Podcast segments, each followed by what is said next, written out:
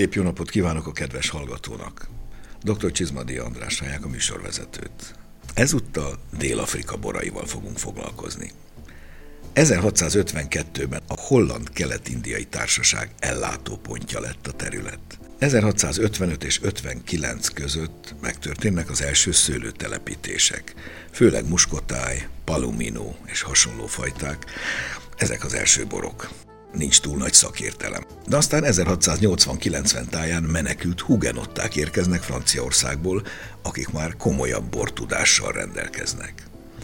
1685-ben létrejön a Konstancia birtok, amit azóta is az itteni borászat bölcsőjének tekintenek. Vin de Constance, franciásan a bor neve, ami hamarosan fogalommá válik és világhírű lesz.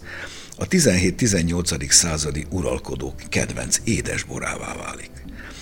Kezdetben általában sherry és portói jellegű erősített borokat készítenek, no persze brandit leginkább. A 19. században elérkeznek a britek, mondhatjuk meg is szállják őket, jelentős fellendülés tapasztalható. De 1886-ban ide is megérkezik a filoxéra, a szörnyű, szörnyű gyökértető és mindent tarol. Aztán a századforduló, a brit búr háborúk alatt eléggé kaotikus lesz a helyzet, ezt követően nagy telepítések indulnak. Az eredmény túltermelés, válság, aminek a KVV szövetkezet 1918-as megalapítása vett véget. Ez a szövetkezet kvázi borhatóságként működik évtizedeken keresztül, a szőlőtelepítéstől a borkereskedelmig felügyeli az egész ágazatot. Dél-Afrika boraira sokáig, nagyjából a 90-es évekig a tömegtermelés volt a jellemző, viszont onnantól szárnyalásba kezdenek. Nos, ma erről a különleges ország különleges borvidékeiről és borairól beszélgetünk meghívott vendégünkkel. Tartsanak velünk, szabadítsuk ki a szellemet a palackból.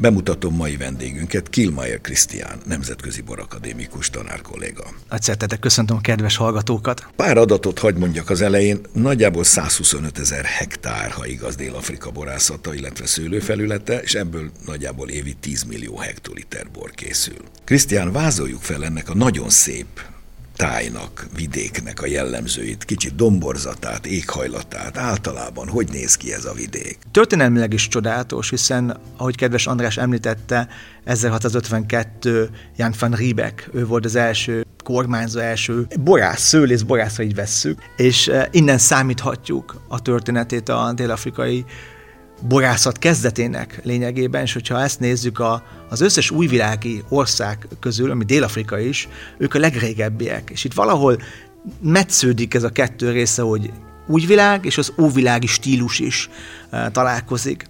Ugye lényegében a 27. és a kb. 35. szélességi fok között található legtöbb szőlőtermő terület, és két óceánnak a találkozásánál még azt is mondhatnánk, hogy túl meleg van, de mégis lehet szőlőt termeszteni. Nincsenek meg azok a tengerszint feletti magasságok nagyon, 50 és 600 méter, tehát ez nem nagyon segít, de van egy hideg áramlat. Van egy hideg áramlat, ami a déli eh, sarkról érkezik. Ugye ezt eh, képdoktornak is szokták mondani. Igen, igen. Ami néha rossz is tud lenni, mert azért elég erős szél, és eléggé meg tudja tépázni a tőkéket, viszont ugyanakkor a betegségeket is tudja kicsit kontrollálni. Ez kicsit olyan ez, mint a Rónvölgyben a Misztrál, ugye, ahol abszolút, takarít. Abszolút. És ha már Rónvölgyet említettük egyébként talaj szempontjából egy nagyon letisztult terület, nagyon sok gránit található. A gránitnak van egy jellegzetessége egyébként, egy ilyen feszességet, egy tartást ad, és ha bár ez a frissesség kicsit később jelentkezik, nem úgy, mint egy mészkőnél elő, elől van egy ilyen gazdagság, hanem a gránitnak van egy olyan sajátosság, kicsit hátrébb keletkezik egyfajta ilyen frissesség és dinamika ezekben a, ezekben a borokban borokban. Amit aztán ők ki is használnak, hála Istennek. Hogy néz ki a borvidéki rendszerük? Elég zavaros volt sokáig, aztán 1972 táján bevezetik a Wine of Origin, ami nagyjából a francia AOC rendszernek egyfajta adaptációja. Pontosan, tehát azt kell látni, hogy Dél-Afrika nagyjából top 10 bortermelő országokban van benne mennyiségileg, és az export az nagyon fontos nekik. És az, hogy exportáljanak, ugye letisztult kommunikációval kell rendelkezniük, és az egyik ilyen letisztult kommunikáció maga az eredetvédelem, és ez a WO, tehát Wines of Origin, ugye rövidítése, ez lényegében igen, az appelláció rendszernek felel meg, hogy azok a borászok, akik ebben részt vesznek, azok egy kóstolási rendszeren is mennek át, ahol a tipikusságát nézzük a fajtának, a termőterületnek, és ezt egy ilyen hierarchikus rendszerben eh, fejezik ki. Magyarul ez azt jelenti, hogy ellenőrzik a borokat, hogy az adott területnek megfelelő ízvilágú -e? Pontosan. Mert ha nem, akkor gondolom lejjebb sorolják, vagy egyéb kategóriába kerül. Igen, tehát azt kell látni, hogy, hogy a legjobbat szeretnék exportálni, hiszen ezzel a, a legjobb borokkal egyfajta kommunikációs eszközként tekintenek, ami remélhetőleg a fogyasztó majd eljön, és meglátogatja ezt a fantasztikus és csodálatos országot. Tehát a bor az egy kommunikációs eszköz is, és a legjobbat szeretnék kivinni adott kategórián belül. Vázoljuk fel most a rétegeit ennek az appellációs rendszernek. Van egy régió, ugye ez egy nagyobb terület, ezen belül akkor következő lenne a borvidék, mondjuk Pár, Stellenbosch, eh, Robertson. Ezen belül vannak kisebb egységek, Vártnak hívják, W-A-R-D, és még Vard. akár dűlők is lehetnek ezen belül. Beszélhetünk itt birtokborokról, Abszolút. egyes nevesített birtokokról. Abszolút, mert ha belegondolunk, ugye a birtokok, akik itt ma bort készítenek, ők nagyon meghatározóak a mind a minőségben, és az ő nevük van rajta a címkén, és ők kommunikálnak egyfajta minőséget is, tehát abszolút igen. Beszéljünk egy kicsit erről a bizonyos Vin de Constance-ról, amit a bevezetőben említettem, hiszen ez ikonikussá válik már évszázadokkal ezelőtt valóban gazdag uralkodói házak versengenek érte és, és teszik az asztalukra. Filoxérával állítólag el is tűnt, mint oly sok minden, de aztán sokáig úgy, legalábbis úgy tudom, hogy hallgattak róla, nem nagyon indították újra, de hogy az 1980-as években mégiscsak elindult egy újrakezdés a Vin de Constance-szal. Miből áll ez, hogyan készül erről meséljünk. Igen, tehát hogy történetileg visszamegy ez Simon van der Steel nevéhez, ő tartják először valószínűleg, aki a Vende Constanzot megalapította.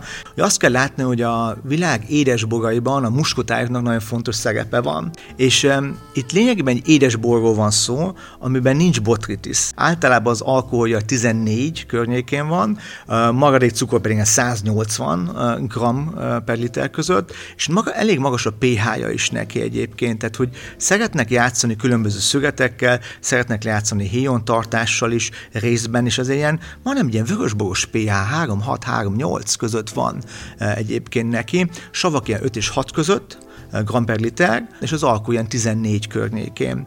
Voltak mondák, hogy ezt régebben erősítették is de a legjobb tudomásom szerint azokat nem erősítették. De valószínűleg nincs is rá szükség, mert ha önmaga is megtermi ezt a 14-es alkoholt, Meg. akkor nincs szükség nagyon erős. Igen, magas az alkohol, magas a pH, vannak viszonylag jó savak is ilyen szempontból, és egy nagyon gazdagság, magas cukor is van, és a muskotáj alapú ez egész történet. De nincs botritis, hanem csak egy nagyon erős túltöppedés van. Tehát a kedves hallgató kedvéért kicsit hasonlít a mi tokainkra, de mégsem, mert hogy a tokaiban ugye a botritis lényeges komponens, viszont ez is többet szőlő szőlőből készült, tehát magas cukortartalom, nagy gazdagság és aromatika. És ez valahol ott egészen közvetlenül Fokváros környékén Pontosan. vannak ennek a, dűlői. Igen, és ugye pont az a közelség az óceánhoz, ez segít neki nagyon sokat ezt a frissességet meghozni.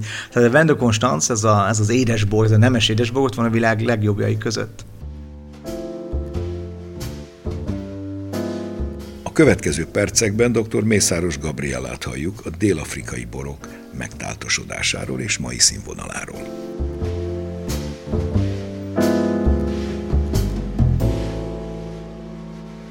Dél-Afrika borászata több évszázados múltra tekint vissza. Régebben sokáig tömegborokat készítettek, aztán nagy változás lett.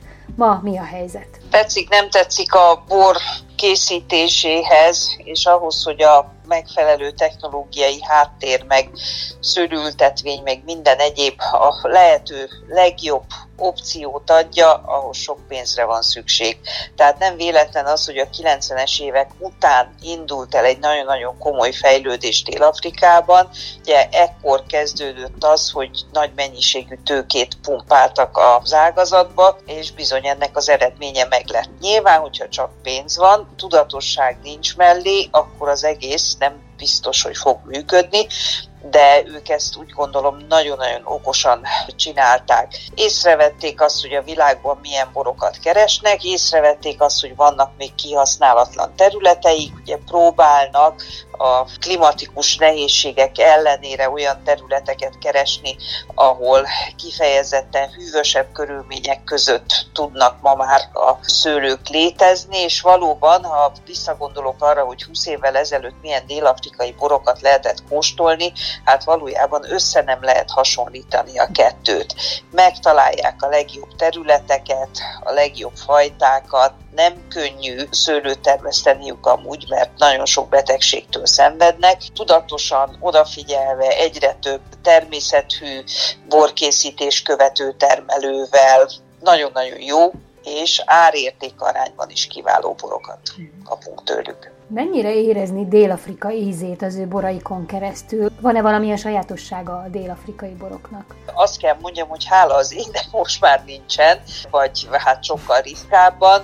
Amikor én elkezdtem foglalkozni a borokkal jó 30 évvel ezelőtt, akkor bizony elég könnyen föl lehetett ismerni az egyszerű dél-afrikai borokat. Nyilván ez a negatív tulajdonság. Hát igen, igen, mert nem, nem voltak tökéletesen tiszták. Tehát elsősorban egy ilyen kis furcsa maszatosság, bizonytalanság volt jellemző a legtöbb borukra.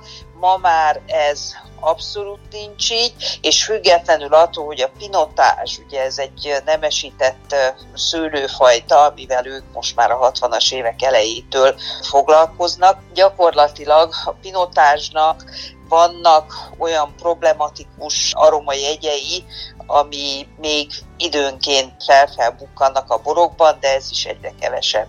Tehát ma már azt kell mondjuk, hogy a pinotás tartalmú vörös borok sem olyanok, amiről feltétlenül föl lehetne Dél-Afrikát negatív oldalról fedezni.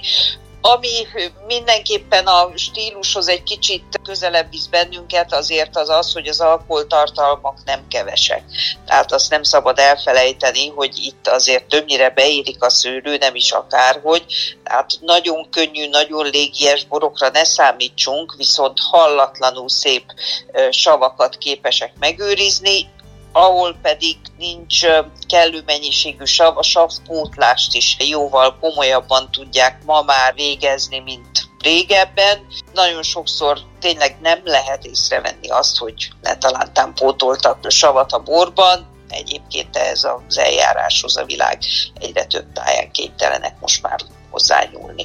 De fehérben is, vörösben is nagyon sok komoly tételt kóstolhatunk, olyan fajtákat is például, mint a Pinot Noir, ugye, ami nem volt korábban jellemző, ugye a Pinot Noir nem igazán kedveli a meleg termőterületeket, és lám Dél-Afrikában is tudnak már olyan szép pinókat készíteni, amit az egész világon megsüvegelnek.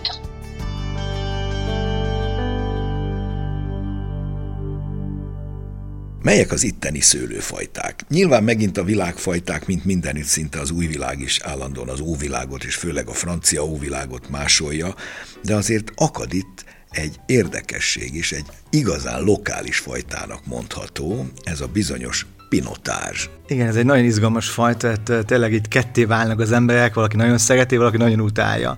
1925-ben Abraham Isaac Perold volt az az új ember, aki keresztezte a kiskertjében lényegében Pinot Noir, és szenszó fajtákból. Azt kell tudni róla, hogy a kékszőlő vörösbogokat készít, amelynek van egy ilyen um, nagyon gazdag, fűszeres, pirosbogyós jellege, véres hurkára is szokták néha egy emlékeztetni, de azt kell mondani, a jó pinotás az nagyon finom tud lenni. Így van. Tehát az, ez, ez nagyon-nagyon fontos, hogy a jó pinotás az nagyon finom. Én nagyon szeretem egyébként a Bayersklofnak a dízel pinotázs az egyik nagy-nagy-nagy kedvencem. Eh, Bayer Strutter nevéhez fűződik szerintem Dél-Afrika legjobb pinotázsa, eh, aki, aki először egy másik pincében, majd a saját pincébe nem kezdhetett el dolgozni azonnal a pinotázsa Bayersklofnál, mert megtiltotta az előző munkahelye, hogy eh, pár évig dolgozzon vele, annyira jó volt benne. Tehát Bayer Strutter egy fantasztikus borász személyiség, aki a pinotázsnak rangot adott.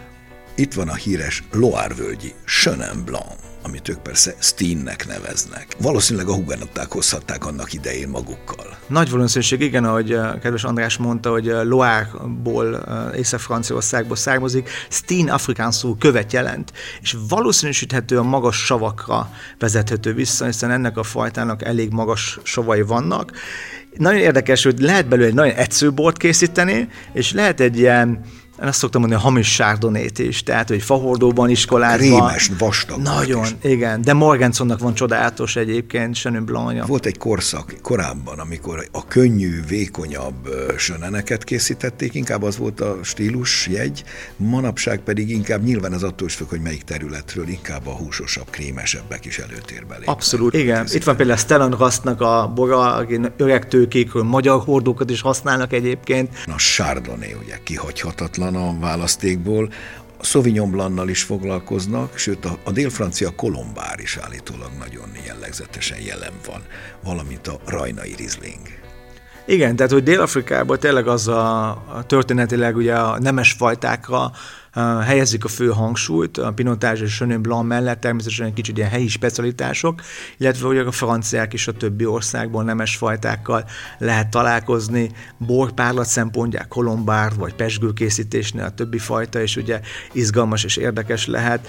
A KVV ez KW Simplavé a kedves hallgató kedvéért, Kooperative Weinbauers Vereiniging. Ez az az államilag létrehozott 1918 óta működő szövetkezet, amely gyakorlatilag rendet csinált az addig kaotikus viszonyokban, sőt később szabályosan hatósági feladatokat kapott, mondhatni élet-halál ura volt sokáig borügyben. Pontosan így van, hogy 1918-ból indult, és eh, pontosan történelme rendet kellett kicsit rakni, filoxféra problémák, export, de utána ez egy hátrány lett abból, hogy voltak kis termelők, akik nagyon komoly minőséget hoztak Pinot Noirból, Hamilton Arde, Hamilton Russell például, megjelent 80-as években a Platter, Borkalauz igazából, ami mai napig egyik legfontosabb iránytű a dél-afrikai borokban. Tehát, hogy volt egy ilyen nagy szerepe, hogy rendet rakjon, termelőszövetkezetként, ugye export, stb. De kvótarendszert vezet. Egy kvótarendszert is vezetett be, igen, ami a nagy termelőknek kedvezett elsősorban, és ugye a kis termelőknek hátránya született ebből idő után, és egyre hangosabb lett az, hogy egyedi, különleges, ahogy mondtam, Pinot Noir, Hamelen Arde, fantasztikus területekről Állítólag Európából való klónok behozatalát is korlátozták, vagy nem nagyon engedélyezték, tehát hogy mindenben élethalál urai voltak, hát. egészen a 90-es évek elejéig. Igen. Hát ott volt még egy apartheid is azért menet közben, és nem hiába terjedtek el a Samsonite tőkék, ugye ezt így hívták, hogy ezzel lehetett őket behozni. Az eredetvédelmi rendszer hogy néz ki, vagy a nagy régiók? Megvannak azok a híres termőterületek, mint Stellenbosch, akik ugye mennyiségileg és minőségileg is nagyon komoly borokat készítenek és alkotnak, ugye Párlasz, afrikán szó gyöngyöt jelent, kicsit melegebb terület, Francsohok, ugye francia negyedet jelent. Ide települtek be annak Pontosan. idején a. Igen, hát francia negyed, ugye innen a Francsohok elnevezés akkor ugye közel a fokvároshoz lévő területek. Nagyon sokat számít hogy a levegő mozgás, ugye ez mindennek az egyik ilyen fő kulcsa, hogy ha bejebb megyünk az ország belső, Robertson környékén, ott mondjuk már vannak mészkű, de sokkal melegebb, mert ugye nem jön be az a benguála áramlat, ami ugye segíti kicsit hűteni, hűsíteni a területeket. Magyar borászoknak is komoly szerepe volt az újkorban a dél-afrikai minőségi borok kialakulásában és létrejöttében. Említsük meg itt három nevet, Gróf Pongrácz Dezsőt, aki egy magyar arisztokrata, második világháborús katona, aztán tíz év orosz fogság, aztán 56-ba itt hagyott mindent és meg se áll Dél-Afrikáig. Majd róla mindjárt lesz szó. A másik fontos név László Gyula, aki Erdélyből települ át a 70-es évekbe, a harmadik pedig a 2000-es évek elején Gál Tibor Egerből. Elsőnek hallgassuk meg Kovács Zoltánt, aki a Royal Tokai borászat birtokigazgatója, szegről végről rokona is László Gyulának, és egyben munkatársa is volt még a 90-es években.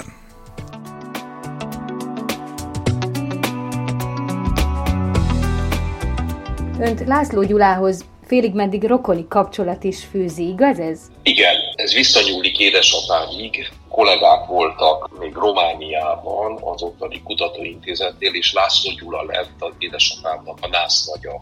Dél-Afrika borászatáért nagyon sokat tett László Gyula. Pontosan mit, és hogyan kell ezt elképzelni, hogy hogy jutott ki ő Dél-Afrikába, és mit tett a dél-afrikai borászat érdekében?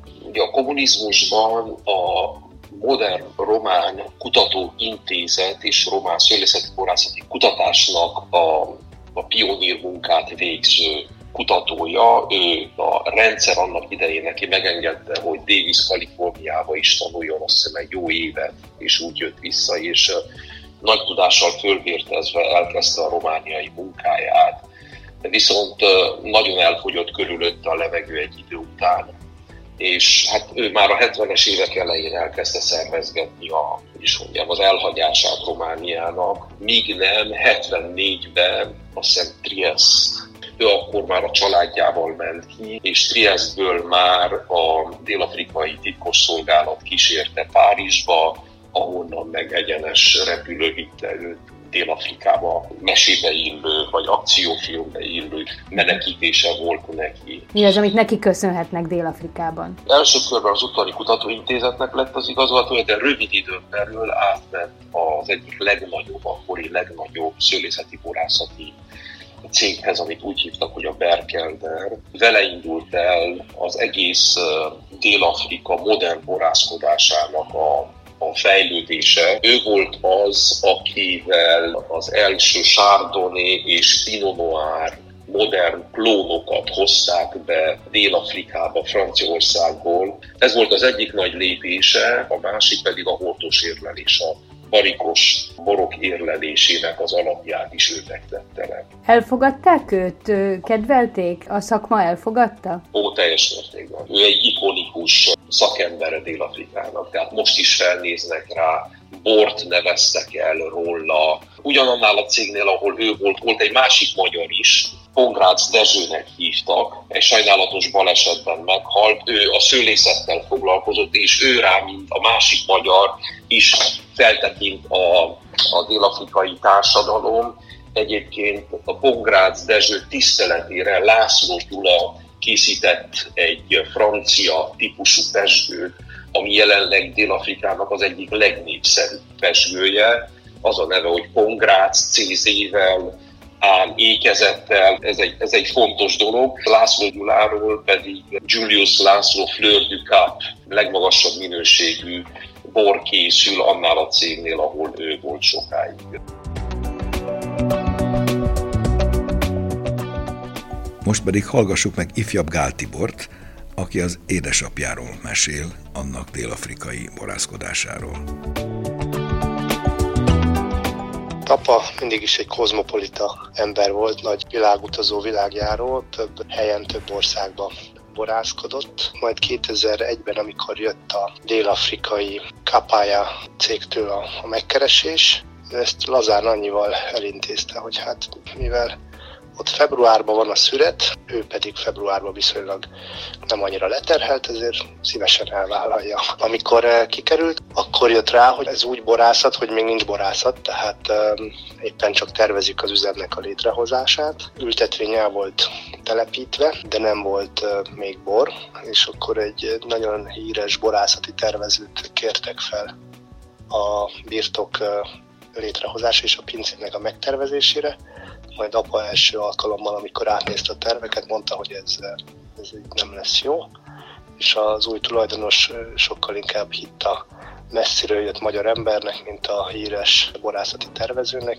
és kidobta a terveket, és apa gondolatai alapján tervezték újra a borászati üzemet, és építették meg. Majd 2003, amikor a Kapája birtoknak az első évjárata volt, az első évjáratból készült első bor, Dél-Afrika legjobb bora lett, úgyhogy minden értelmet nyert, amit apa eleinte felvázolt. Ön mit vett át tőle? Mi az, amit ön tud alkalmazni az ő tudásából? Fele részben belőle vagyok. Ez elég erős intuíció és elég erős örökség. A nevére vett, régen a királyoknál is mindig azokat a fiakat vették a nevükre, akiktől azt szerették volna elvárni a királyok, hogy folytassák a munkájukat. Úgyhogy valószínű apa akarva akaratlanul is ezt a célt tűztek ki nekem, hogy én legyek az, aki az ő munkásságát valamilyen formában folytatni fogja. Viszont én meg úgy vagyok ezzel, hogy úgy érzem, hogy nem tudom befejezni, ezért az én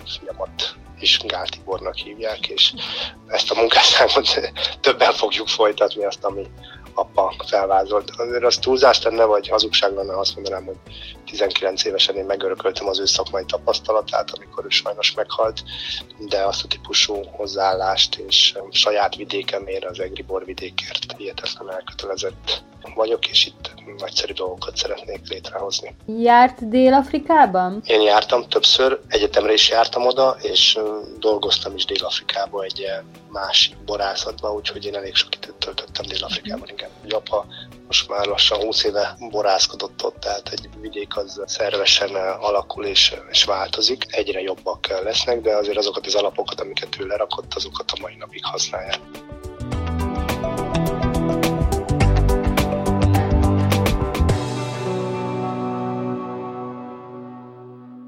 Method Cup Classic. Ez a tradicionális pesgők dél-afrikai neve. László Gyulának, illetve Pongrász Dezsőnek komoly szerepe volt ennek az elindításában. Hogy néz ma ki dél-afrikai pesgő készítése? Milyen fajtákból, egyáltalán milyen stílusban dolgoznak? A története visszamegy ugye 1971-ben, rövidítve MCC, ugye ez a Method Cup Classic, klasszikusan mondva. Simon Szigék voltak az elsők, akik így nagyon belemélyedtek ebbe a dologba, Stellenbosch környékéről.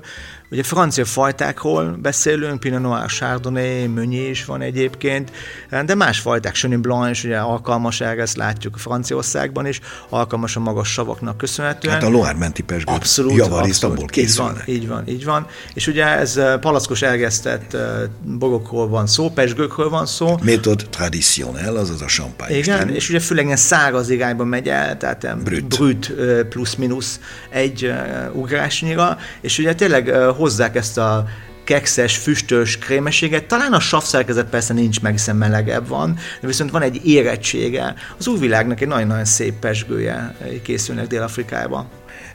Megköszönöm vendégünknek, Kilmaier Krisztiánnak a mai szíves részvételt az adásban. Nagyon szépen köszönöm a kedves hallgatóknak, hogy velünk tartottak. A következő percekben a borászat legfrissebb eseményeiből szemlézünk. A hírszerkesztő Vajda Boglárka tolmácsolásában. Borüzleti menedzserképzést indít ősszel a Tokaj Hegyalja Egyetem fenntarthatósága alá tartozó Tokaj Wine Business Institute. Az egyéves angol nyelvű posztgraduális képzésen a hallgatók megismerkednek a jelenlegi borászati, borgazdálkodási irányzatokkal, valamint iparspecifikus üzleti és közgazdasági ismereteket is elsajátítanak.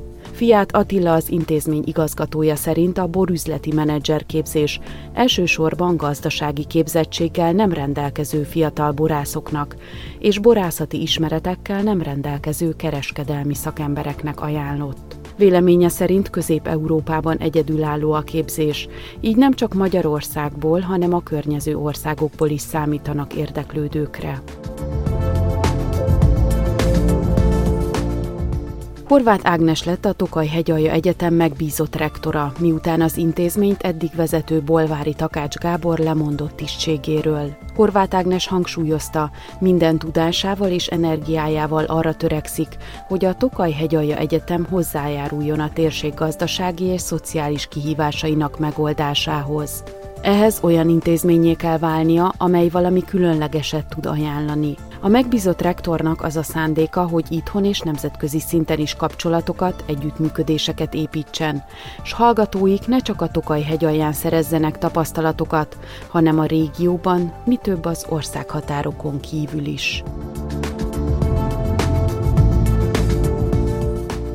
Idén 11. alkalommal rendezik meg a Rozália Rozé és Pesgő ligetet június 10-e és 12-e között a Városligetben.